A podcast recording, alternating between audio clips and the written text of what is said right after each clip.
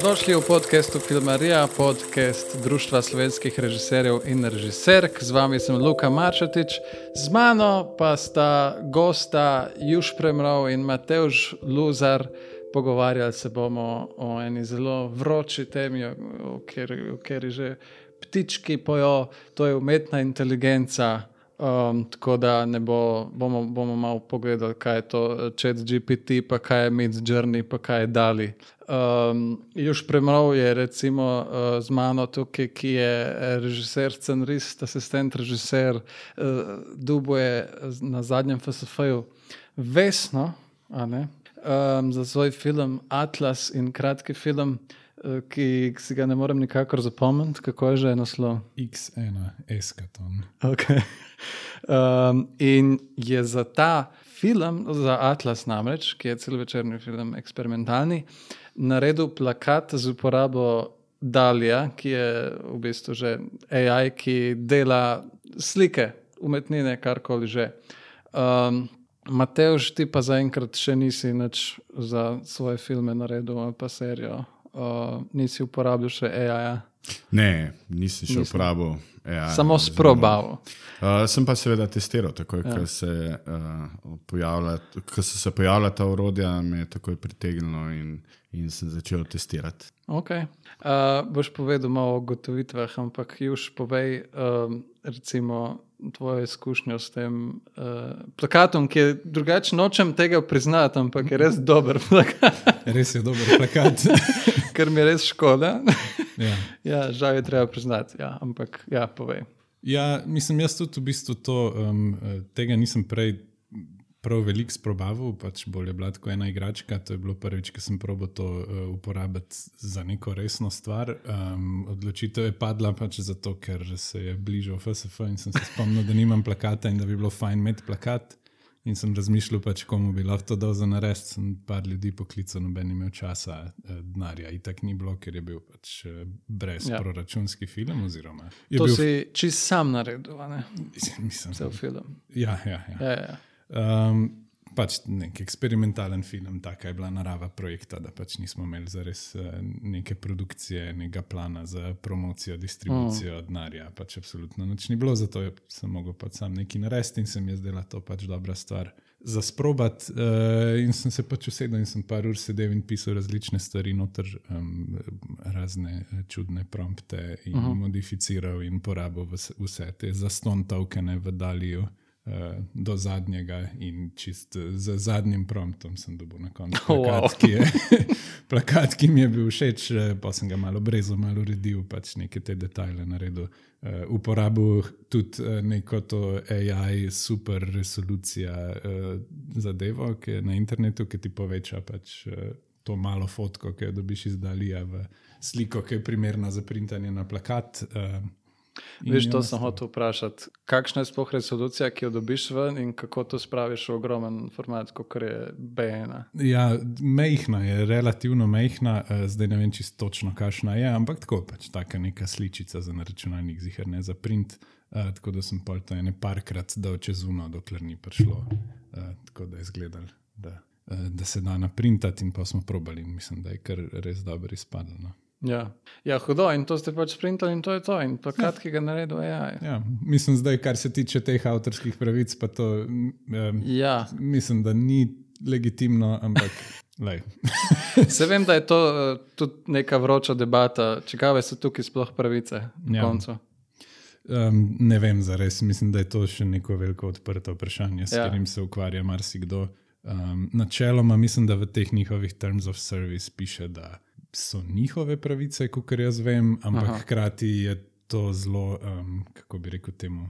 Unenforceable se mi zdi, da pač, uh, kar se zakona tiče, ker pač ni za res še, kar jaz vem, no, nobene neke za res uh, legalne strukture, ki bi pač urejala to. No. Zdaj nisem pač tle pravno, tako se znanjen ja. s tem, ampak uh, zaenkrat smo še na divjem zahodu. Mislim, da si lahko marsikaj prvoščimo, če pa bo kdo rekel, da moramo to skenirati in pa zažgal plakate.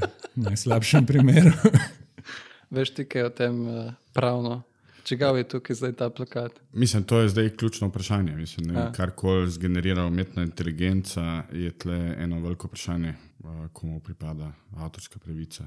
Uh, predvsem pa je to vprašanje, ki ga je mogoče še ni odgovora na njega, ker v bistvu uh, tehnologija zopet prehiteva.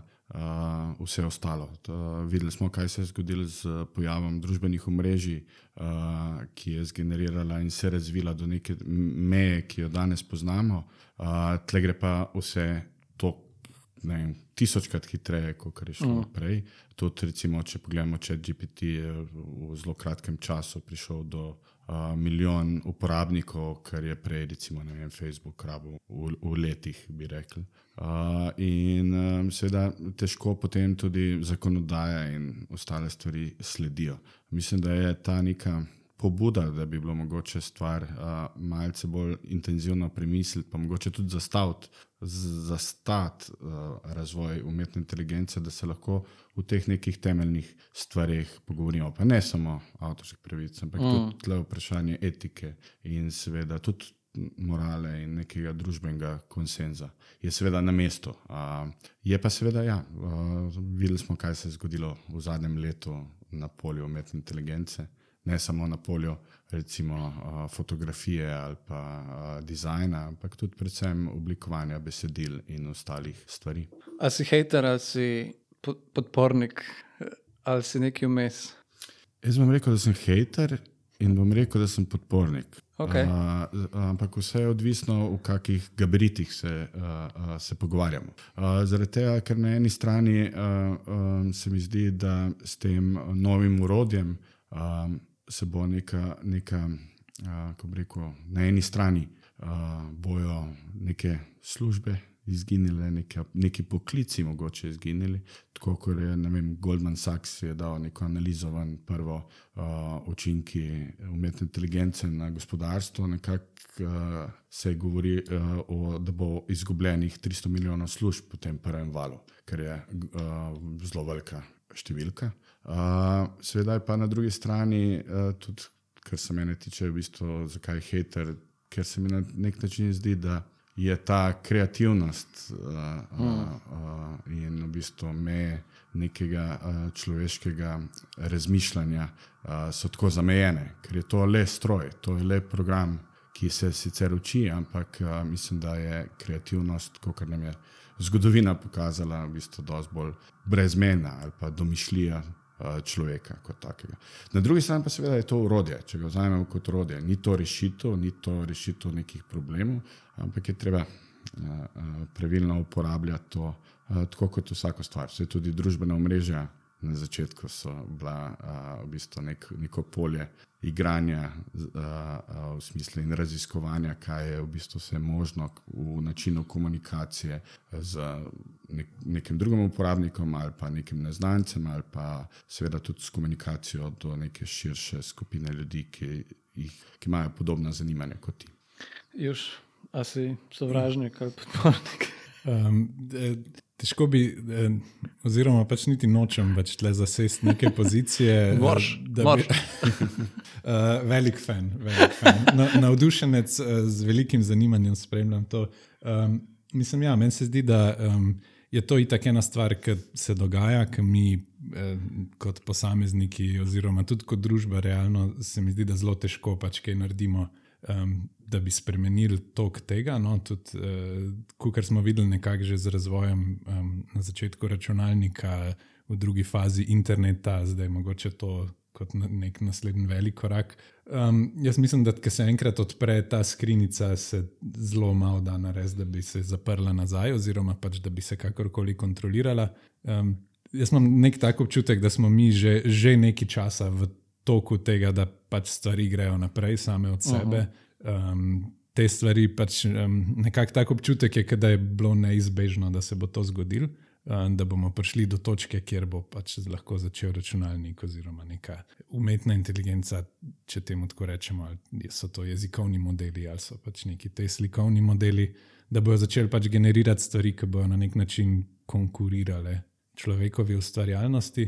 Um, in zdaj pač moramo videti, kako se bo to odvilo naprej. Zdaj mislim, tako neki, um, neki se postavljati na pozicijo, da, da je to stvar, ki jo moramo nasprotovati, ali pa stvar, ki jo moramo podpirati, mislim, da je res dosti brezpredmetno, ker se bo zgodila tako ali tako, imam jaz občutek. No? Ker so to enostavno prevelike stvari, kot si rekel, pač milijon uporabnikov se je zgodil in to je pač masa, ki se zgodi v tako majhnem času, da enostavno se mi zdi, da tega ne moreš več nadzirati na nek način, mm -hmm. ker pride do, do neke take številke. In tudi pač ljudje, ki, ki so nekako in charge.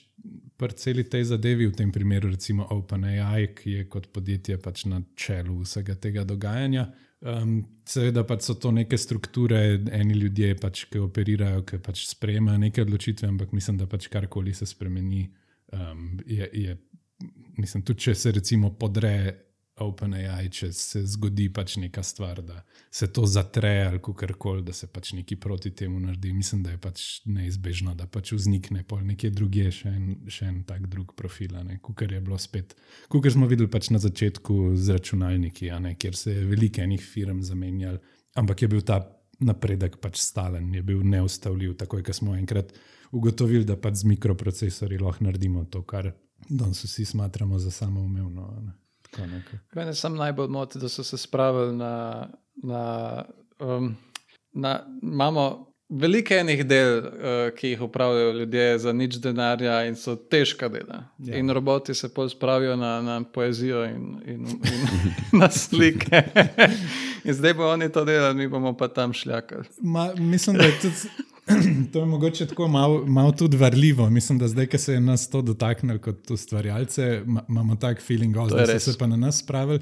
Mislim, da je, pač ta, da, da je ta proces aktiven. Pač, če pogledamo tako v drugih panogah, je že veliko dela. Ja. Tudi, recimo, če pogledamo tovarne ali pa proizvodnjo, pač tam, tam velik del pač opravlja umetna inteligenca oziroma mm. pač neki. neki Neka avtomatizacija, ne? in tukaj gre tudi pač bolj ne za avtomatizacijo, sem pač v kreativnem smislu. Pač zelo zanimivo polje, no, ki mislim, da pač moramo biti. Moramo biti odprti za njega, ne moramo ga spremljati, moramo, moramo biti na nek način v stiku z njim, ker če ne bomo, pol, bomo pač samo neki stojijo uh. v kotu, pa žugajo, pa jih povost cajt. No, to, to se zelo strinjamo, v bistvu, ker je zanimivo. Mislim, mislim da to ni. Uh, uh, umetna inteligenca, da bo samo posegla na polje kreativnosti, to daleč od tega. Meni je bilo zanimivo spremljati nek, neke, neke članke, neke analize, ki se je prvič pojavil, v bistvu prvi prva iteracija umetne inteligence, v bistvu se je govorilo, da je to napredek, ki je tako bilo, kot je Steve Jobs pokazal iPhone. Mm. To je bila ena od tehnoloških prelomnic, zadnja tehnološka prelomnica, ki, kjer nam, smo imeli internet, kar naenkrat v žepu. A, potem je pa, pa čez dva meseca berem članke, da ja, to ni tako, kot se je te, pojavil telefon, ampak to je tako, kot se je pojavil internet. In mislim, da, da je že malo bliže temu. Jaz pa mislim, da je še korak dlje, v bistvu, ker vidimo, na kaj bo lahko umetna inteligenca, v bistvu, kjer je polje delovanja, vse posegla. Jaz mislim, da lahko gre za to velik premik, kot je bila recimo industrijska revolucija. Mislim, da se lahko zgodi to vrsten obrat. Zdaj samo, kako bomo to se v to transformirali in seveda tudi na nek način prilagodili. Uh, seveda imeti pa vedno tudi uh, v, v nekako razmisleku to neko uh, družbeno dinamiko, poklice, um, ker mislim, da nikomor ni v interesu, da se samo sledi kapitalu na eni strani. Mislim, da je treba celoten spektr imeti uh, uh, v mislih. Recimo, jaz, ki sem testiral uh, um, in Chat, GPT in tudi ostale, Midjourney. Je tako, kar naenkrat se spomnim, da sem se pred dvema mesecema pelil domov, pa so tam delali obvoznico. Pa sem tako pomislil, pa vidiš te delavce, ki to delajo. Sem rekel, da je dobro, da vidim še ta prizor, ki ga mogoče čez deset let bojo to samo stroji, ki bojo nekaj delali, ker je to avtomatiziran proces kot tak. Ne. In iz tega vidika uh, je to, se bo to premaknilo naprej. Ne. Vel, velike teme za tole filmski, ja. filmski podcast. Ne. Ja, v bistvu. Ne, sej uh, meni osebno ni sploh strah. Jaz na to tudi gledam kot enostavno kot orodje. Meni men je tudi dobra primerjava, kot je analogna pa digitalna fotografija, ko je prišla. Joj, konec je fotografije, a, ampak ni isto. Photoshop, ki je prišel in tako naprej. Pa glede na to, kako sploh dela, recimo ta čat GPT, zaenkrat vsaj me sploh ni strah, ker je to noro smešno, kakšne rezultate daje. Uh, jaz sem jih ene par prinesel, bomo prebrali. Uh, ampak, a sta kaj probala, uh, pri, kar se tiče scenaristike, uh, čat GPT in uh, kakšne rezultate sta dobila? Ja, uh, ja, jaz sem um, načeloma sem se pač mal poigral z, z vsemi različnimi oblikami, ki jih on ponuja. Mislim, itak pač ponuja ti lahko kar češ. Vse od tega, da ti napiše neko osnovno idejo, do tega, da ti spiše pač strukturo zgodbe, da ti naredi sinopsis. Mislim, da je sploh brez veze, da naštevamo tle v glavnem, ja, ja. karkoli lahko naredi. Uh, tako, po mojih izkušnjah, um, najbolj mi je bilo všeč, pač, kako te lahko nekako usmeri. Če se ti ali kje zatakne, ali mogoče iščeš neko novo idejo, ali iščeš mogoče, da bi dodal nek lik v neko stvar iz te, iz te strani, mi je bilo pač fulj zanimivo, koliko velikrat v bistvu pač ti tako najde nekaj, ki lahko pa ti daš noter. Zdaj pač karkoli je pa on probavil sam narediti, pa po mojih izkušnjah, tako kot si rekel, je bilo precej smešen. Predvsem, če ga prosiš, sploh v slovenščini, da ti napiše dialog, je pač to taka katastrofa, pač piše res najbolj didaktične, eh, glupe dialoge. Um, Velikrat totalne nesmisle. Ja. Um, tudi, kar se tiče zgodbe, doskrat kakšno strukturo um, tako obrne, da res ne veš, to, da pač pojma nimaš, kaj je mislil s tem, mislim, se nič ni mislil s tem. Mm. Ali pač.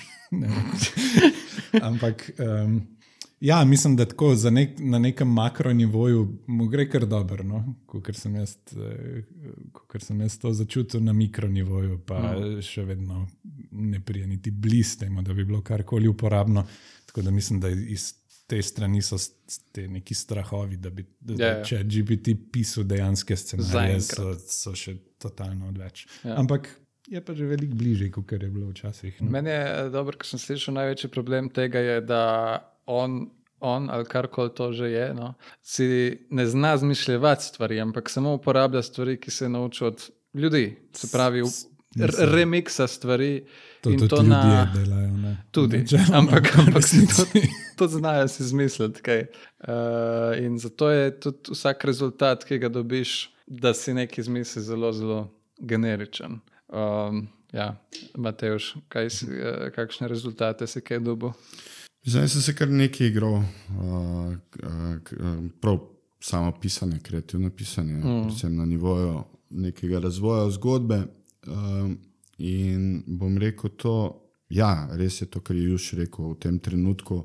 Um, to še ni na nekem nivoju, v bistvu, zaradi tega, ker um, nima dovolj informacij, nima te neke domišljije, um, da bi sam zgeneriral celotno zgodbo, ki bi te recimo navdušila. Pojavljajo se neki vzorci, neke okrajšave, uh, in, in iz tega vidika vidimo, kje so modeli iz katerih uh, to vrstnih zgodb se vleče informacije.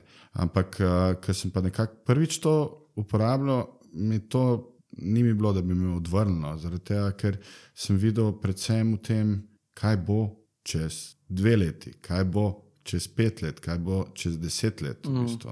uh, in um, se je videl, seveda, tehnologija se bo razvijala, tudi to, kar je trenutno na, volje, na voljo, je bilo razvito eno leto nazaj in je šele zdaj nekako v uporabi. Kaj je tisto, kar je še v zadnjem letu se naredilo, to je ta vprašanje.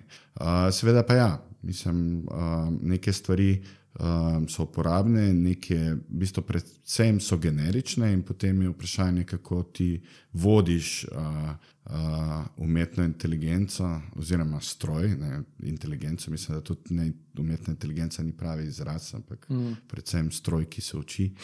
Uh, Kako ga vodiš, v bistvu, da priješ lahko do nekega rezultata, seveda nekih krajših oblik, kot si prej rekel, pesmi ali pa mogoče logline ali pa uh -huh. mogoče pri sinopsisu, ampak to, v tem trenutku je to še daleč od tega, da bi bilo uporabno. da bi bilo nekaj originalno, da bi bilo nekaj izjemno. Ampak, okay, pustimo to, okay, recimo, pač ne zna se zdaj dobro nekaj izmisliti. Ja. Ampak lahko pa je že zdaj neko orodje, ki ti lahko pomaga pri nečem. Recimo, da ti skrajša um, iz tri, nekaj iz tri strani na pol strani. Mhm. A zna to narediti, že zdaj dosti kvalitetno. Ja. To uh, modifikacija obstoječih stvari mu gre mm. pa ful dobro. To pa, kar sem probavil, se mi zdi, da pač je, je to res ena ful močna, močna stvar, ki jo obvlada, tako da ti pač napiše, mislim, se vedno moš popraviti, nikoli ne naredi ja. pač tako dobro, da lahko uporabiš, ampak zna nekako izluščati tune stvari, ki so pomembne. No? Uh, in tudi se mi zdi, da pač z nekimi mal bolj naprednimi komandami. Uh, lahko ga dosti hitro prepraviš pač do tega, da naredi točno, kar ti hočeš. a. Se pravi, ti mu lahko oklepaje ali pa kaj napišeš, a ne tole je ful pomembno, tega ne spustiti, take zadeve in mu daš v bistvu dosta egzaktna navodila, kako naj ti on to reformatira. Glede tega je ful dobr. Um, da ja, ali pa recimo, da ti naredi logline, vsaj neko snutek logline. Velikrat ne bo naredil dobrega, ampak mu rečeš, ne vem, naredi mi deset osnutkov logline tega sinopsisa. Ne? In ti pač zelo hitro jih zmeče ven, in jih pol ti lahko malo primerjaš, malo skombiniraš in najdeš ta pravega, brez da bi tam sedel, pa si razbil glavo. Uh -huh. Prav dolga. Pač skrajšati procese bolj kot kaj drugega. No, se mi zdi. No, mene je bolj navdušilo v bistvu, uh, to, da skrajšuje, da zna to zelo dobro početi. Mene je vseeno, kot si ti rekel, da na začetku slovenščina. da je Tako, tako. Mene je vseeno navdušilo to, da to ti lahko uh, komande, oziroma kaj želiš, napišeš v svojem jeziku in da ti da nek rezultat, kljub temu, da ni popoln.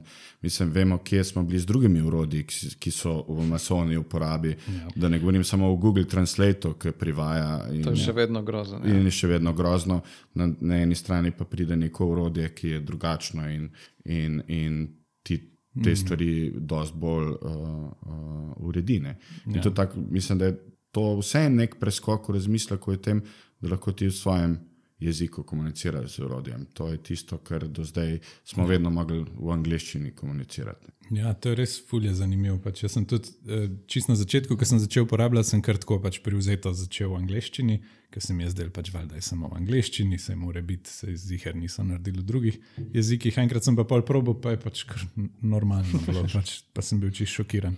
Um, ker je res, um, dobro, vse se sicer vidi, da je najbrž manjša. Manjši besednjak ali karkoli, veliko bolj osnoven jezik uporablja, se mi zdi v slovenščini, kot v angleščini. Ampak kar se pa vsebine tiče, pa mislim, da ni prav dosti razlike, no. uh -huh. kar je kar neverjetno. Um, zanimivo. A so še kakšni uh, uporabni tipsi, kako zares to uporabljati kot orodje? Razen, uh. recimo, da ti skrajša kaj ali pa napiš login, uh, zakaj ga lahko uporabimo, da si zvedel ali pa dolgo kakšno idejo. Ker glih to je problem, vsaj pri meni, da še ne najdem za res uporabnosti, ampak verjamem, da je treba začeti razmišljati nekako v tej smeri. Torej, kaj so te neki triki mogoče? Ja, meni je, bilo, meni je recimo, glih to, kar sem prej rekel, to, če se ti nekaj zatakne, če recimo ne veš, kje bi, če si mal v neki blokadi, če nekaj pišeš, pa se recimo ne vem, ne moreš spomniti, zdaj, kaj bi se zgodilo naprej. Um, pa mu sam reči, velikrat, vsaj pri meni, no, velikrat rad uporabljam to opcijo, da mi da več izbire. ne. Mu rečem, napiš mi pet načinov, kako se lahko ta zgodba nadaljuje. Napiš mi, ne vem, pet različnih koncev te zgodbe. In ti jih pol on da, in pol ti v bistvu s tem, ki jih bereš. Uh, Realno dobiš, pač se ti malo odpre, Ja, ja, ja. yeah, yeah. malo mal nehaš biti tako zataknen v ono, kar si razmišljal, ker velikrat ti ponudi, um, dobro, včasih se zgodi, da ti ponudi stvari, ki so full iste, včasih ti pa ponudi kar ene res nore zadeve, ki se jih ne bi spomnil, ki so mogoče čist narobe, ampak te glih tok nekako porine v tisto pravo smer. Tako da, kar se tega tiče, je meni v bistvu najbolj bil uporaben kot orodje, no, poleg skrajševanja. Pa, Sam to še, še vedno ostaja znotraj nekih modelov, nekih generičnih rešitev. V bistvu. Ja, ja mislim, ampak generične rešitve so itak, um, se mi zdi. To je ful, res je triki, se mi zdi, da ta, um, ta distinkcija, ne, kaj, kaj on pač uporablja na novo, pa kaj, uh, kaj uporablja iz obstoječih stvari. Ja, valjda pač vse te stvari že ima. Ampak se tudi mi, ki razmišljamo, ne, velikrat pišeš neko zgodbo, ki spada v nek žanr, ne, in mm. ki razmišljaš o tem, pač, kaj boš naredil naprej, se vedno prvo spomniš na stvari, ali ki so že bile, ali stvari, ki pašejo v Ja. žanr. Ja. Velikrat si pač not, znotraj teh istih modelov, realno, kadar planiraš nekakšno zgodbo. Ne? In v bistvu, um, po mojem, to, da ti pač on ponudi nekaj, kar ja, mogoče že obstaja, ampak mogoče ni čisto primerno, ne te zna tako malo ruken, to je ta prava smer. Ne vem. Pa sej vsaka neka besedica ti lahko da idejo za nekaj. Vse a ne? to, ja, vse to. Bolje Kot- to. Kot nek generator, pač tako um, neke spodbude, nekih um, idej, pač mogoče, ki jih un trenutek nimaš v glavi, mm. ne bi jih pa mogoče imel čez dva dni, če bi prespal stvari ali pa mm -hmm. karkoli. Um, tako da ja, v, v tem formatu dosta. uporabljam. Jaz sem videl, še na začetku je bilo to eno zelo impresivno uporabnost tega, ker je en tip uh, je uporabil ChatGPT, da mu je napisal idejo za film. Okay. Pač nekaj čist simpel. Uh, oziroma, ne, on mu je dal par teh uh, besed, se pravi. Par likov je na neki tej naftni ploščadi in kaj se tam dogaja. In on mu je napisal nek hiter sinopsis, Um, in pol mu je napisal, da mi zdaj uh, opis likov iz te zgodbe, in je dobil like ven. In pol je vse to dal v Mid Journey, in je dobil lokacije in te like, v bistvu kot slike. Uh, in je to vse zapakiral v en peč, že dobesedno. Ja, In to, to, pa, mi je bilo absolutno noro, impresivno. to je pa ena tudi ful uh, zanimiva uporaba, uh, ki sem se pa, um, to sva se z Dominikom Mencejem pogovarjala, on je to že v bistvu zelo v praksi tudi uporabil. Uh -huh.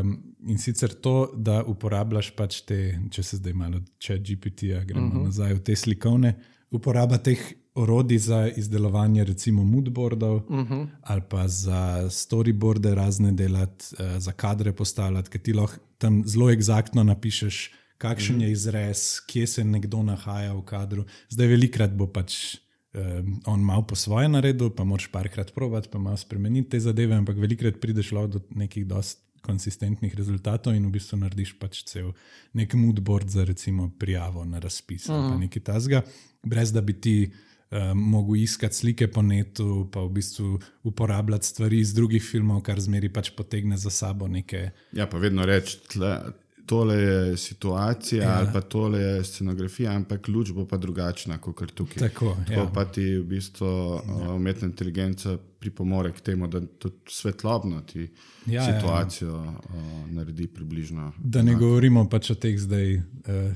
zelo fresh um, v zadnjem tednu, pač uh, updatih za Photoshop, uh, kjer so Uh, videl zdaj sem, integrirali ja. te stvari noter, uh, ki bo pa po mojem sploh noro orodje za pač uporabo tega za, za res neke moodboarde ali pa za storyboarde, ki ti pač v bistvu sam. uh, Ti označiš ne vem, pač stvari in rečeš, tle mi zgeneriri nekaj. Mm ne? In si predstavljam, da bo to noro za, za predstavljati neke ideje, za vizualizirati uh, stvari, recimo iz stvari, ki si jih napisal, pa za neke pri, predvizualizacije delati, mogoče za scene, ne recimo za skomunicirati ekipi, kako, hoč, kako hočeš, da scena zgleda. a ne. Vzameš recimo nek kader iz filma, ki ti je všeč, zamenjaš glaven lik s svojim igralcem, dodaš nekaj noter, kar uh, ni v dejanski sceni, pač s par kliki in, in je vsem jasno, pač, kaj dela. Ne. Spremeniš luč, ti lahko tudi pač označiš vse, rečeš, naredi mi to. Um, da je osvetljen iz druge strani, mm. in se to zgodi. Uh, tako da ta urodja bojo, mislim, da nora za, za produkcijo, pa za, um, za te piče, pa za te stvari. Vse, mislim, kar imam jaz informacije, kar se tiče uh, za sam uh, pripravo projekta, se, se zelo veliko že uporablja. Mm. Uh, posebej ta slikovna uh, urodja, uh, kot so Midjourney ali pa Dali. Uh, predvsem v tej komunikaciji, kaj se želi ustvariti, v bistvu kot tako. Ne. In sigurno je neka prihodnost uh, to vrstnega urodja bo znotraj obstoječih, kot je Photoshop, Office uh, in seveda drugi programi, ki, so trenutno na voljo, bojo vsebovali noter um, te stvari. Ravno danes zjutraj sem updated, so se mi updated programi na, na telefonu in vidim Spark, ki ga uporabljam, ima tudi zdaj po novem feature, uh, v bistvu, da ti umetna inteligenca sp- spiše ime. Mm -hmm. Nisem ga še probal, ampak se mi zdi kar bizarno. Vidiš, to sem to že slišal, da eni tudi kolegi uporabljajo če GPT, da jim spiše mail za neki. In je čist ležit. Uh, pa dost tudi slišim za programerje, je zelo uporabno, ker, mm -hmm. ker jim dejansko piše kodo, ki dela. Tako, ja. Ja, glih zdaj, z, glih, pač, mislim, res se to eh, noro hitro razvija, eh, kar se te kode tiče. Um, sploh zato, ker um, mislim, da so zdaj pač dost, um, se že vrgli v to, da optimizirajo pač te uh, razne jezikovne modele pač mm. za kode, in določene firme pač so že prav naredile svoje modele, ki se specializirajo za to. In, Um, ba je, da pač noro skrajša te stvari. Ne, da stvar, ki je prevzela vem, en mesec, ti zdaj vzame par dni, ne, da se sprogramira, mm. um, ker lahko pač sestavljaš kelego kocke. Um, zelo zanimivo. Ampak malo izven našega področja. No, tako da ne vem čisto točno, kaj se tle dogaja. Eno tehnično kodra. vprašanje, ki ga uh, ne štekam še čist. Preden pred, pred je prišel OpenAI s tem Dalijem, AI ni bil neki ne? Eh, prisoten preveč. Pol je prišel Dali in je bil cel boom. Um, in pol tudi ChatGPT in Midjourney in podobno. Ampak to ni vse ista firma in ista koda in vse to. Um, recimo Adobe Zihrn uporablja nekaj svojega kako to, da kar naenkrat vsi v tako kratkem času imajo nek svoj AI? Ja, jaz, kako je to možno, da so tako hitro zdaj to, kar glavna stvar, glavna stvar je pač hardware. Um, mislim, da um, so se zdaj nekako. S tem, da se je to začelo malo odpirati, ne, da so te velike firme, kot je Nvidia, pa predvsem Nvidia, no, mislim, mm. da vse laufa več ali manj na Nvidia, da so pač v tem videli neko priložnost in so se zelo osredotočili na to, in so začeli pač izdelovati hardware, ki je specifično optimiziran za to, da pač prebavlja te velike modele. Um, je pač to zelo hitro šlo na gora. Ker prej, v bistvu, um, Preden so zares ugotovili, kako to uh, funkcionira, kako te stvari stojijo skupaj, ne, so, so to poganjali pač neki splošni procesori. Ne, ker ti imaš, recimo, tako kot imaš grafično kartico v računalniku, ki je specializirana za grafiko. Ne, ja. In ti vse ful boljš dela, če imaš grafično kartico, kot če bi laufal vse te stvari na procesorju, ki je namenjen za generalno računanje stvari. Imáš zelo podobno pač AI jedra zdaj, v bistvu, ki so v grafičnih karticah ali pa v imaš prav specialne AI kartice, ki so pač izključno za to namenjene. In to, to so lahko pač zelo veliki multiplikatorji. Tudi, če si predstavljaš, če laufaš špil na procesorju, dobiš vem, 10 frame na sekundo, mm. če laufaš na nekem hudem GeForceu, dobiš 200 frame na sekundo. In podoben scaling dobiš, če se osredotočiš na AI, mogoče še večji tle pojma. Nimam mm. za res tehnično, kako deluje, ampak vem pa, da je šlo to ful, ful naprej, kar se tiče. No, hkrati s tem tehnološkim premikom na nivoju hardvera, je pa seveda na drugi strani vsa ta podjetja, so imeli oddelke, ki so to seveda preizkušali, programirali. Uh, leta, mogoče, ali pa mogoče tudi desetletja. Mm. Se to ni neka nova stvar, v bistvu. Se, ja. Vsi se spomnimo, da je Kasparov igral z Deep Blue, mm. uh, šah partijo. Mislim, to so seveda tudi neki ne začetki, ampak del poti, ki je bilo treba prehoditi. Um, in iz tega vidika se mi zdi, da, da so vsi imeli, do nekje so prišli, ampak jih je ta v bistvu pojav, da uh, teh od OpenAI modelov. V bistvu jim je, jim je dal dodaten zagon, in mm. naenkrat so več svojih finančnih resursov začeli vlagati v to. In zaradi tega smo danes tukaj, ki smo in se to mm. še hitreje razvija, kot, kot se je recimo uh, prej. Tudi uh, recimo, zanimivo je, bilo je neko sporočilo ali nekje sem prebral, Google je to že leta dela na tem in preprosto ni želel lansirati uh, uh, tega prek malu. To je njihova uh -huh. uh, uradna zgodba, ker seveda vse posledice, ki jih za sabo uh, potegne ta tehnologija um, in vpliv na in življenje, in na delovanje, in na vse zadnje tudi na njihove biznis modele. Ne. In potem pa, ki pride ven, če GPT, pa kar naenkrat se pojavi tudi Google. A, ja, mi, ja, tudi, mi, mi tudi, mi tudi. in na dobe, mi tudi, mi tudi. Ja, tako, pač, ker ta trend je treba ga zajahati. Ker Dropbox, sem zdaj slišal, Dropbox, zdaj vse odagove, aj Dropbox, zdaj mi sam file, me gor, prosim, pa bo tiho. ja. Uh, pa kao zdaj, če, če GPT je nevarnost za Google, pa ne vem kaj. Ampak zdaj bom, zdaj bom izkoristil to priložnost, uh, da vsak bo prebral en tekst, ki sem ga pripravil.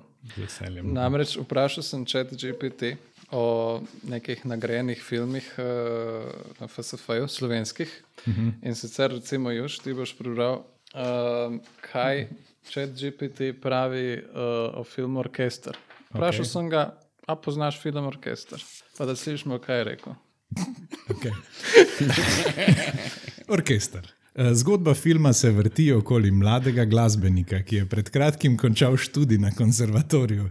Po vrnitvi v domače mesto se pridruži lokalnemu pihalnemu orkestru, ki se bori s finančnimi težavami in notranjimi napetostmi.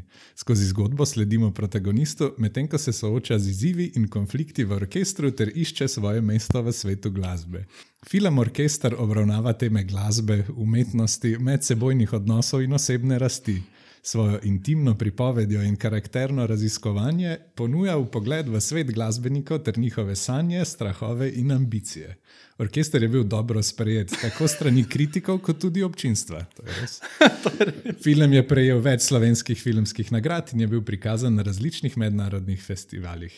Če vas zanima glasba in intimna drama, je orkester lahko zanimiva izbira za ogled. ampak okay, nisem, nisem pejst na začetku, ampak je pravilno zadev, recimo, to je film Mateoža Luzarja iz tega in tega leta. Ampak, Ampak opis. Zanimivo je, da je sploh to zvedel, da je to film Mateoža Luzarja iz tega, ja. tega leta, ker mislim, da se njemu konča, kaj že 2021. Tako je. Konc, ja, ja. Tako da zgleda takrat, ki je bil še v razvoju. Ali, kako, ali je bil v bistvu. Ja. Ne, ne, mislim, 2021 je, že bil, je že bil na festivalih. Ne? Ja, je bil že ja. konec leta 2021 je bil na festivalih. Ampak je, mislim, da je tle on vzel dva.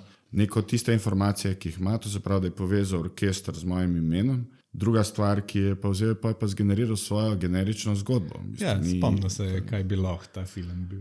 Um, ampak posem pravi še recimo Prasico, ki je mm. predlanski zmagovalec, ne mhm. pozna. Mm -hmm. Ne poznam tega, pravi sem jebiga, ne poznam. Mm -hmm. uh, pravi sem, uh, ja, sem še, ne bom več luzerka. Mm -hmm. Uh, prosim, Mateus, če prebereš, kaj pravijo o filmu, ne bom več luzerka. Odlično je. Tako, na pol je res, ampak pol pa gre čist nekam drugam. Gre za slovensko komično dramo, ki je šla leta 2018. Film je režiral Urša Menard in je postal precej priljubljen v Sloveniji. Zgodba filma se osredotoča na 29-letno Simono, ki se po diplomi iz umetnostne zgodovine bori s številnimi izzivi in neuspehi v svojem življenju. Kljub svoji izobrazbi se znajde v prekarnem delu in se sooča z občutkom ne samozavesti. Vendar pa se stvari spremenijo, ko se Simona pridruži nenavadni skupini terapeutov, ki jim pomaga pri soočenju s svojimi strahovi in neuspehi. Film Ne bom več luzarka, obravnava teme samo podobe, iskanja lastne identitete, družbenih pričakovanj ter pomembnosti sprejemanja samega sebe. Kombinira humor in dramo ter ponuja pogled v življenje mlade ženske, ki se spopada s težavami sodobnega sveta. Upam, da vam je to pomagalo pri spoznavanju filma Ne bom več luzarka. Če imate še kakšno vprašanje, sem vam na voljo. odlično, odlično. Um, Pravno sem tudi Atlas, Joša Premrova, ampak ni, ne pozna. Je zanimivo. Um, pa imam, pravno sem eh, zgodovino ljubezni. Um, to je tudi kar smešno. Uh, na hitro, to je čustvena zgodba, ki se prepleta med dvema različnima obdobjema. Uh, film spremlja mlado ljubico, ki se znajde v težkem in nasilnem zakonu ter se bori za svojo svobodo. Hkrati spremljamo tudi zgodbo o Adi, arhitektki, ki išče smisel v življenju in se sooča s svojimi no, notranjimi demoni. Um, v glavnem narobe. Um, Potem sem probo še, recimo, uh, prehostar, ki je kao popularna zadeva, zihar je pobral veliko informacij. Um, in pravi, Gre za komično dramsko serijo, ki je šla leta 2018. Serijo je ustvaril in režiral Nate Levstik, ki je sicer res režiser. Odvija se v idilični vasici na slovenskem podeželju in spremlja življenje družine Hostar, ki se ukvarja s pridelavo in prodajo domačega vina. Jaz mislim, da pomešal usodno vino. Mi je pa všeč, kako samozavestno in gladko se zlaže in, in ti proda pač informacije. No, dobro, da si to omenil, mm -hmm. ker všeč so mi definicije čet GPT-ja, da je to uh, world's biggest bullshit. Res je. Ja. Res je. In kako v bistvu je to nek kako suvereno mansplain stvari. Tako, da ti, če se ne spoznaš na stvar, to prebereš in verjameš tem. Mm. Kar je tudi zelo velik problem. Ja. In uh, ne vem pa, kam to gre. ja, mislim, ena stvar je dejstvo, je, da, da umetna inteligenca to ni Google, kamor ti opišuješ in dobiš ja. relevantne informacije. Mislim, da je Čeprav... bliže to, kar ponujajo družbena omrežja. Pauza. Ja. Pauza. Pred kratkim sem nekaj naročil prek neta in sem dobil link za uh, tracking za paket. In oni imajo na sajtu integrirano tipko, kao, uh, kaj čet GPT pravijo pošta, o pošti Slovenije. Hmm. Kot da bi po Googlu to, samo da oni imajo prav tipko za čet GPT in jaz sem to kliknil in sem prebral tekst o pošti Slovenije. Ni nujno, da smo resnični, ampak le, zveni resnično. Tako da dejansko zdaj že neki sajti, kot sem jaz videl pri tem, uporabljajo te namene, kar je kar grozen. Sorry, nadaljuj. Ja, definitivno. Mislim, problem je v tem, da umetna inteligenca ima zelo veliko fake news, v bistvu, ja. ki ga seveda ne generira načrtno, lahko bi ga pa tudi načrtno. In tleh smo zelo zopet v polju, ki sem pregovarjal o družbenih omrežjih, kjer se širijo nepreverjene informacije, diskreditacije. In to je velika nevarnost v umetne inteligence kot take. Je pa, je pa seveda tudi um, nekaj, kar je bizarno. Pred vem, mesecem dni sem prebral, ne vem, za kateri natečaj fotografski je šlo, nek mednarodni natečaj in je v bistvu nek Nemec. Uh, usvojil prvo mesto. In on, ko so mu sporočili, da je usvojil prvo mesto, je on sporočil, da zavrača nagrado, ker je njegovo fotografijo je ustvaril umetna inteligenca. Uh -huh. In tle smo pa zopet v tem polju, v katerem zdaj govorimo. To družbeno mrežo, kaj je res, kaj ni res, kaj je originalno, kaj ni originalno. Ali je to, kar umetna inteligenca naredi, originalno ali ni, to se bo pa treba zmeniti. se bo treba zmeniti. Ampak kar se tiče resničnosti, mislim pač. Um, Je res, da se pač zelo gladko zlaže, ampak se tudi realno zadnja leta pač na Facebooku ali pa kakorkoli. Ja. Je, je to enih stvari, ki niso resnične, da, mislim, da, ne nač, eh, da se ne bo nič drastično spremenil na tem področju. Mislim, da se je folk že tudi nekako navadil, da um, unika vejo, ok, eh, ne zaupajo stvarem na netu, uh -huh. unika pa nič ne vejo o tem bojo pa zaupali tako samo, kar je pa i tak večinoma izmišljotine. Se je tudi ogromno enih sajtov, recimo, sploh danes, včasih, ne vem, recimo deset let nazaj si iskal review za neko stvar na internetu, ja, ne vem, vidiš, a je vem, dober računalnik ali je dobra zadeva, karkoli kupuješ. Danes več ali manj, če napišeš v Google, dobiš pač med temi top zadetki skoraj vse neke AI zgenerirane uh mhm. -huh. clickbait sajte, kjer ne piše realno nič ali pa pišejo kar neke izmišljene stvari. Mislim, da smo v tej fazi že kar dolg. No. uh, to, da pač resnica je nekaj, kar na internetu nima prav veliko uh, teže. No. Tudi kar se Google tiče, nismo prav.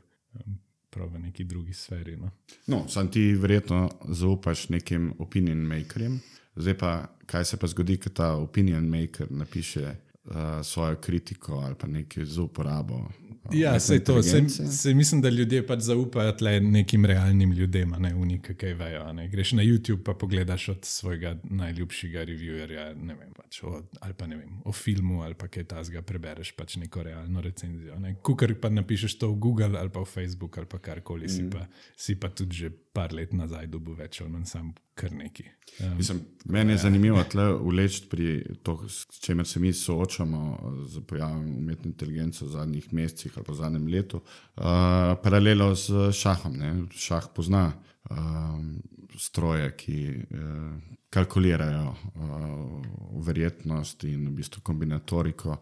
In, um, kljub temu, da je ta tehnologija v šahu zelo napredovala in uh, so se pojavili neki, uh, v bistvu ni več nekih strategij v tem v, v smislu, kot jih pozna klasičen šah, uh, ampak tudi zelo nepredvidljive poteze vleče z nekim rezultatom, ki jih človek pač ne more, oziroma predvidevati na ta način. ampak um, šah je pa danes tudi v bistvu najbolj popularen, kot je bil do zdaj. Mm. Ampak meni osebno je vedno ljubše igrati s človekom, kot pa z uh, botom mm. na drugi strani.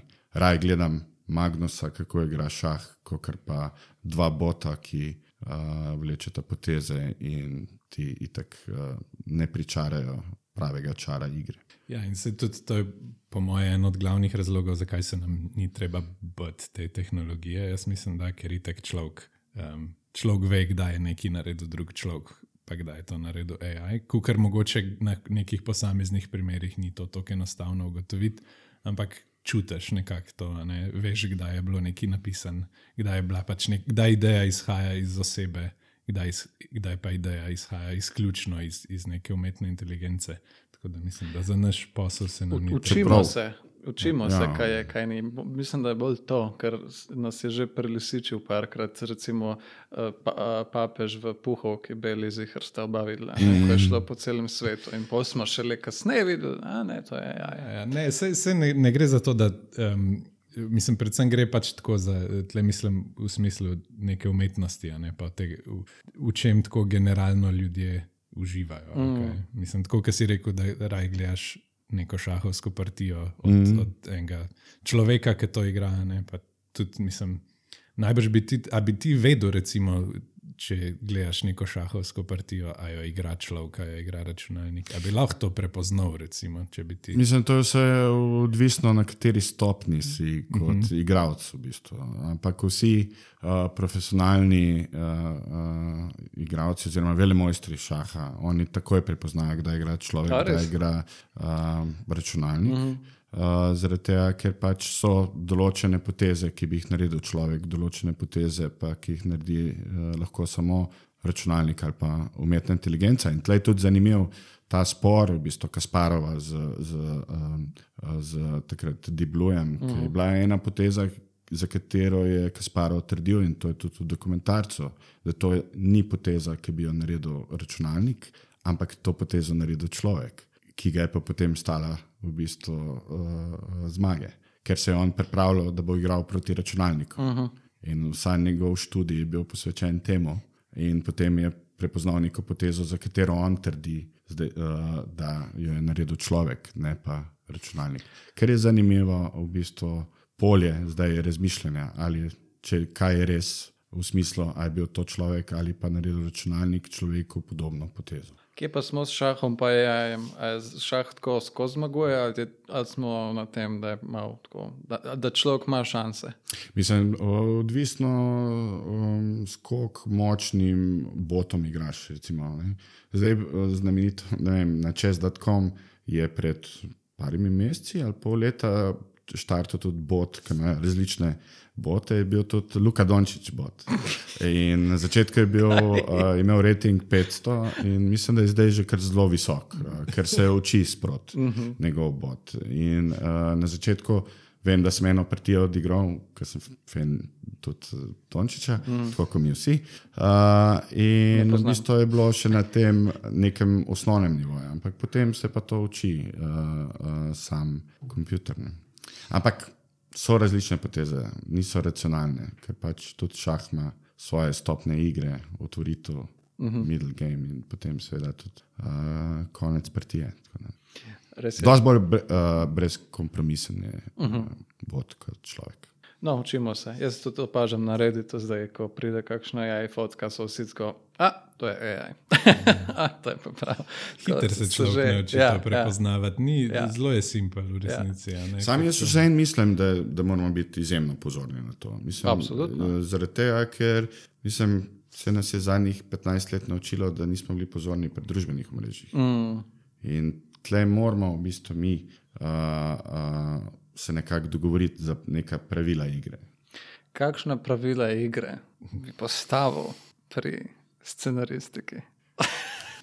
Mislim, to je dobro vprašanje. Mislim, če lahko jaz začnem. Uh, Meni se zdi, da predvsem, kar je zdaj pač debata, um, kar se tiče tega, ne, je, je, se nanaša predvsem bolj na nek ekonomski vidik. Ne. Se mi zdi, da vsi, ki se, se pogovarjajo o tem, vedno se grejo o tem Uh, zdaj nam bo pa če GPT pobral službe, um, mm. kar nam pač bo. Jaz mislim, da s tem se moramo sprijazniti. Tako kot marsikomu drugemu, tako kot programerjem, tako kot ne vem, komorkoli, pač, ki se ukvarja z nečim, kar, kar lahko zdaj te modeli pač naredijo. Treba se bo prilagoditi temu. In isto je, isto je v scenaristiki. Zdaj, za marsikaj, dejansko, če tako pomislimo, ne, um, ne vidim velikih problemov, zakaj ne bi pač mogel nek AI model pisati nekih žajfenc, ki jih tam klamfajo. Ja, ja, ja. pač eni, ki napišejo tok, da se jim že meša, pa i tak ne vejo, že kaj pišejo, ne, ki morajo spisati ne vem, po deset epizod na dan, ne, in je to sam. Bleh.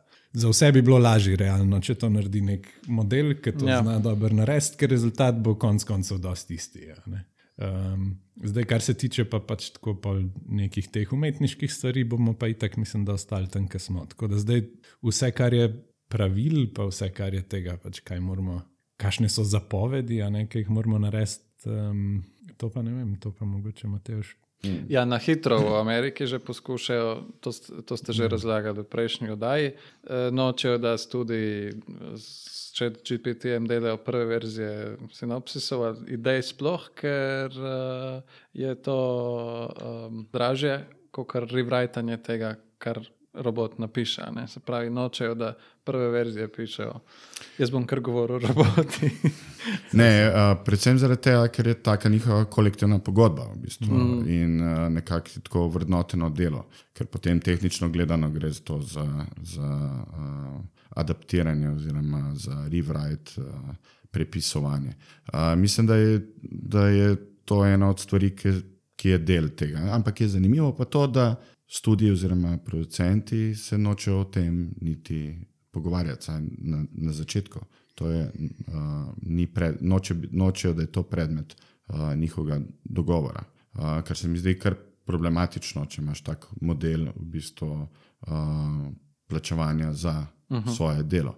Um, recimo, jaz, kar se tiče nekih pravil, pa tega, mislim, mene kot gledalca ali pa bralca scenarijev, Mislim, mene bolj vse zanima, kaj je človek naredil. Uh, uh, to določene, seveda, žanre jih izpiše zelo generično. Zdaj smo brali neke, neke opise, uh, znotraj so neke formulacije, ki so izjemno generične, ki jih lahko pod ne vem, tisoč drugih uh, filmov ali pa zgodb dodaš noter. Ampak vprašanje je še vedno, kaj bo to čez pet let, kaj bo mm. to čez deset let. Pa tudi zdaj, če sam dodaš, recimo, tole dobiš, pa mu mm. rečeš, se pa naredi to malo manj generično. Mm. Velikrat naredi kar zanimive stvari, no, če imamo to problem. Ja, samo ja. recimo ja. meni osebno, ko sem testiral to, mi pa v bistvu mi ni, pis, mi ni več zanimivo pisanje. Čist ja, neka ja, ja. osebna moja izkušnja, kaj mene osebno privlači pri pisanju scenarija. Mm. Se pravi, neko izumljanje, neko, neko, neka domišljija, kam lahko vse potegne. Če si pomagam z, z umetno inteligenco, nimam tega nekega zadovoljstva, gre samo za nek hiter rezultat. Smo spet zopet v McDonald'su. Mm. In uh, uh, jaz si pa želim ta proces, želim se s tem narediti nekaj, kar ne, prehoditi neko pot ki jo pač moraš prehoditi, ker pišeš neki scenarij. Ja, mislim, da se on... to zelo romantično sliši, ampak ja. Seveda vsi vemo, ko smo pisali kdaj scenarij, da to ni najbolj romantično početje. Mi, mislim, da on že tle v bistvu ključ noter vse v neko rake, ki jih scenarij pol prehod čez vse razne producente in delavnice, kjer ti pa vse malo bolj generično rata in ti tisoč ljudi pove in komentira in reče producent, le moraš pa narediti bolj tako in pa na koncu pride bolj ta chat GPT rezultat, če smo bolj tako v. Hollywoodu, recimo, čez, recimo, če daš nek film čez celo to Marvel mašinerijo, uh mhm. -huh. po mojem, dobiš nekaj, kar je dosti podoben, če GPT. Ja, sam, na drugi strani se pa ne more neke, neki presežki zgoditi, ja. uh, če se gibamo v tem ne. polju. Ne. Ja. ne še, kot vedno. Ne, ne še. Ne še. Um, a poznata uh, ta program Story Architect za pisanje scenarijev? In a sta mogoče probala uh, orodje njegovo AI? Nisem še probal njihovega okay. AI orodja, poznam program, ampak eh, sem sam starejše verzije sprobal. Zdaj pa imajo v bistvu kaj, povej, si ti probal? Jaz žal nisem, zato sem upal, da je kdo sprobal. Ampak Story Architect je nek nov program, uh, ki ga izdeluje. Mislim, da uh, človek, ki je predtem napisal Kit scenarist, mislim, Tako da je to isti človek. Mm, yep. In je rekel, da sem Kit scenarist, grem pisati nov program. In zdaj dela Story Architect, ki je zelo, zelo uh, že zdaj uporaben program, čeprav ni še v prvi verziji. Um, in je zaston. In mislim, da je celo kaj prvi, verjetno, program scenaristični, uh -huh. ki, ki ima ta neka AI orodja. Ampak mislim, da pač deluje samo tako, da ti malo pomaga priti do kakšne ideje, um, ali ga kaj vprašaš. Pa, tako, um, pa ima samo ene par teh promptov za ston na mesec, pol pa že moraš začeti kupovati kredite. To pravi, nič ni za stojno. Žal. Uh, ampak če pišeš sam s svoje, svojimi možgani, to je za ston. Uh, pa imamo recimo. Seveda je treba jesti. Ja, v bistvu. Ja. Uh, Pol sem pa opazil še ta kraft pred kratkim, CRF, ta kot nek Google Docs, ki ima tudi nek AI sistem v sebi, ki ti lahko napiše uh, nekaj, kar mu daš. V glavnem so zdaj vsa ta neka nova orodja, ki nam lahko pri tem pomagajo. Uh, am, am poznata vidva mogoče še kakšna orodja AI, um, da je kaj fajnega? Jaz uh, mislim, znotraj scenarističnih programov poznam samo te dva. Uh -huh. Uh, nisem se toliko še pozabaval z njimi, ampak uh, je pa seveda to neka prihodnost. To, ne? Vsak program bo imel svoj modul, ki bo prilagojen uh -huh. za tisto, k, uh, kar se uporablja sam program. Ne? Recimo, tako kot je prej rekel o Photoshopu, tako bo verjetno imel Office, tako kot bojo imeli uh -huh. različni scenaristični programi, različni mail klienti. In um, to, to je neka. Uh, kor, uh, to je nekaj, kar lahko predvidevamo v to smer. Uh, so pa to seveda še stvari, ki so zelo v povojih. Zdaj, ker so v povojih, mi bomo to spremljali še naprej. Jaz predlagam, da tukaj nekako počasi zaključimo, pa se spet uh, slišimo čez nekaj časa, da vidimo, kam to pelje, ker to pelje zelo hitro. Um, pa do takrat bomo mogoče že vsi uporabljali to v vsakdanjem delu. Ali bomo pa sužni robotom. Ja, a ste vi gledali Terminatorja, mogoče? Ali pa, Znate? ali pa Matrico? A To, to sta te dva filma, ki sta bila včasih znanstvena fantastika. Tako. No, tja gremo. Uh, tako da, če ima kdo še kaj po- zapovedati, jaz sem za, da se poslovimo. Uh, Juž, ja. zadnje besede. Za, dobesedno zadnje besede. preden E, komaj čakam prihodnost. Me prav zanima, kaj bo. Naj bo slabo ali dobro, bo pa zanimivo. Okay. Mateuš, pa tako, probimo, da je, da je tako svetlo gledamo na to. Ah, da svetlo gledamo. Ma ja, svetlo ker, gledamo. ker, ker to pač bo, a ne? in moramo se sprijazniti, tako da dajmo se naučiti. Mislim, da je vsa tehnologija pokazala, ne, ne samo računalniška, ampak vsa, da je lahko vse to zelo dobro urodje. Ja. Zdaj pa zanikati to, Ja, se mi ja. zdi, da je nesmiselno. Absolutno. Uh, mislim, da bo prihodnost definitivno zanimiva, če želiš nek svetu. Ja, ja. svetu. To ni nujno dobro. Ti skozi neki tip, kar si už na chat GPT, vas je kaj dobrega zvedel. Ma, mal, ma. Neč za enkrat, eh, probavam, eh, čak, mogoče ti bom zdaj nekaj pripravil. No, da je za, za konec oddaje. Ne, ne napiše konec. Uh, napiše, ko, uh, kako zaključiti podcast oddajo o, uh, o umetni inteligenci. Napiši poslovilni pozdrav za moj podcast. Ime mi je Luka Maršič. Okay. Spoštovani poslušalci, za zaključek današnjega podcasta bi se rad zahvalil vsem, ki ste se odločili prisluhniti. Vaša podpora mi pomeni izredno veliko in upam, da ste uživali v pogovoru. Hvala vam, ker ste si vzeli čas, da ste prisluhnili mojim razmišljanjem in izkušnjam. Želim si, da ste odnesli nekaj uporabnih informacij, idej ali navdiha, ki vam bodo pomagali v vašem vsakdanjem življenju. Če ste uživali v tem podkastu, vas vabim, da me še naprej spremljate in se pridružite prihodnim pogovorom. Skupaj bomo še naprej raziskovali, se učili in rasli. Iskrena hvala vsem, ki ste mi posredovali povratne informacije, vprašanja in predloge. Vaš prispevek je neprecenljiv in mi pomaga, da izboljšam svoje vsebine. Želim vam vse dobro v vašem nadaljem potovanju. E, bodite odprti za nove priložnosti, sprejmite izzive, ohranite radovednost in si prizadevajte eh, za osebno rast. Hvala še enkrat in se slišimo naslednjič. Lep pozdrav, Luka Mačetič. Hvala, Luka.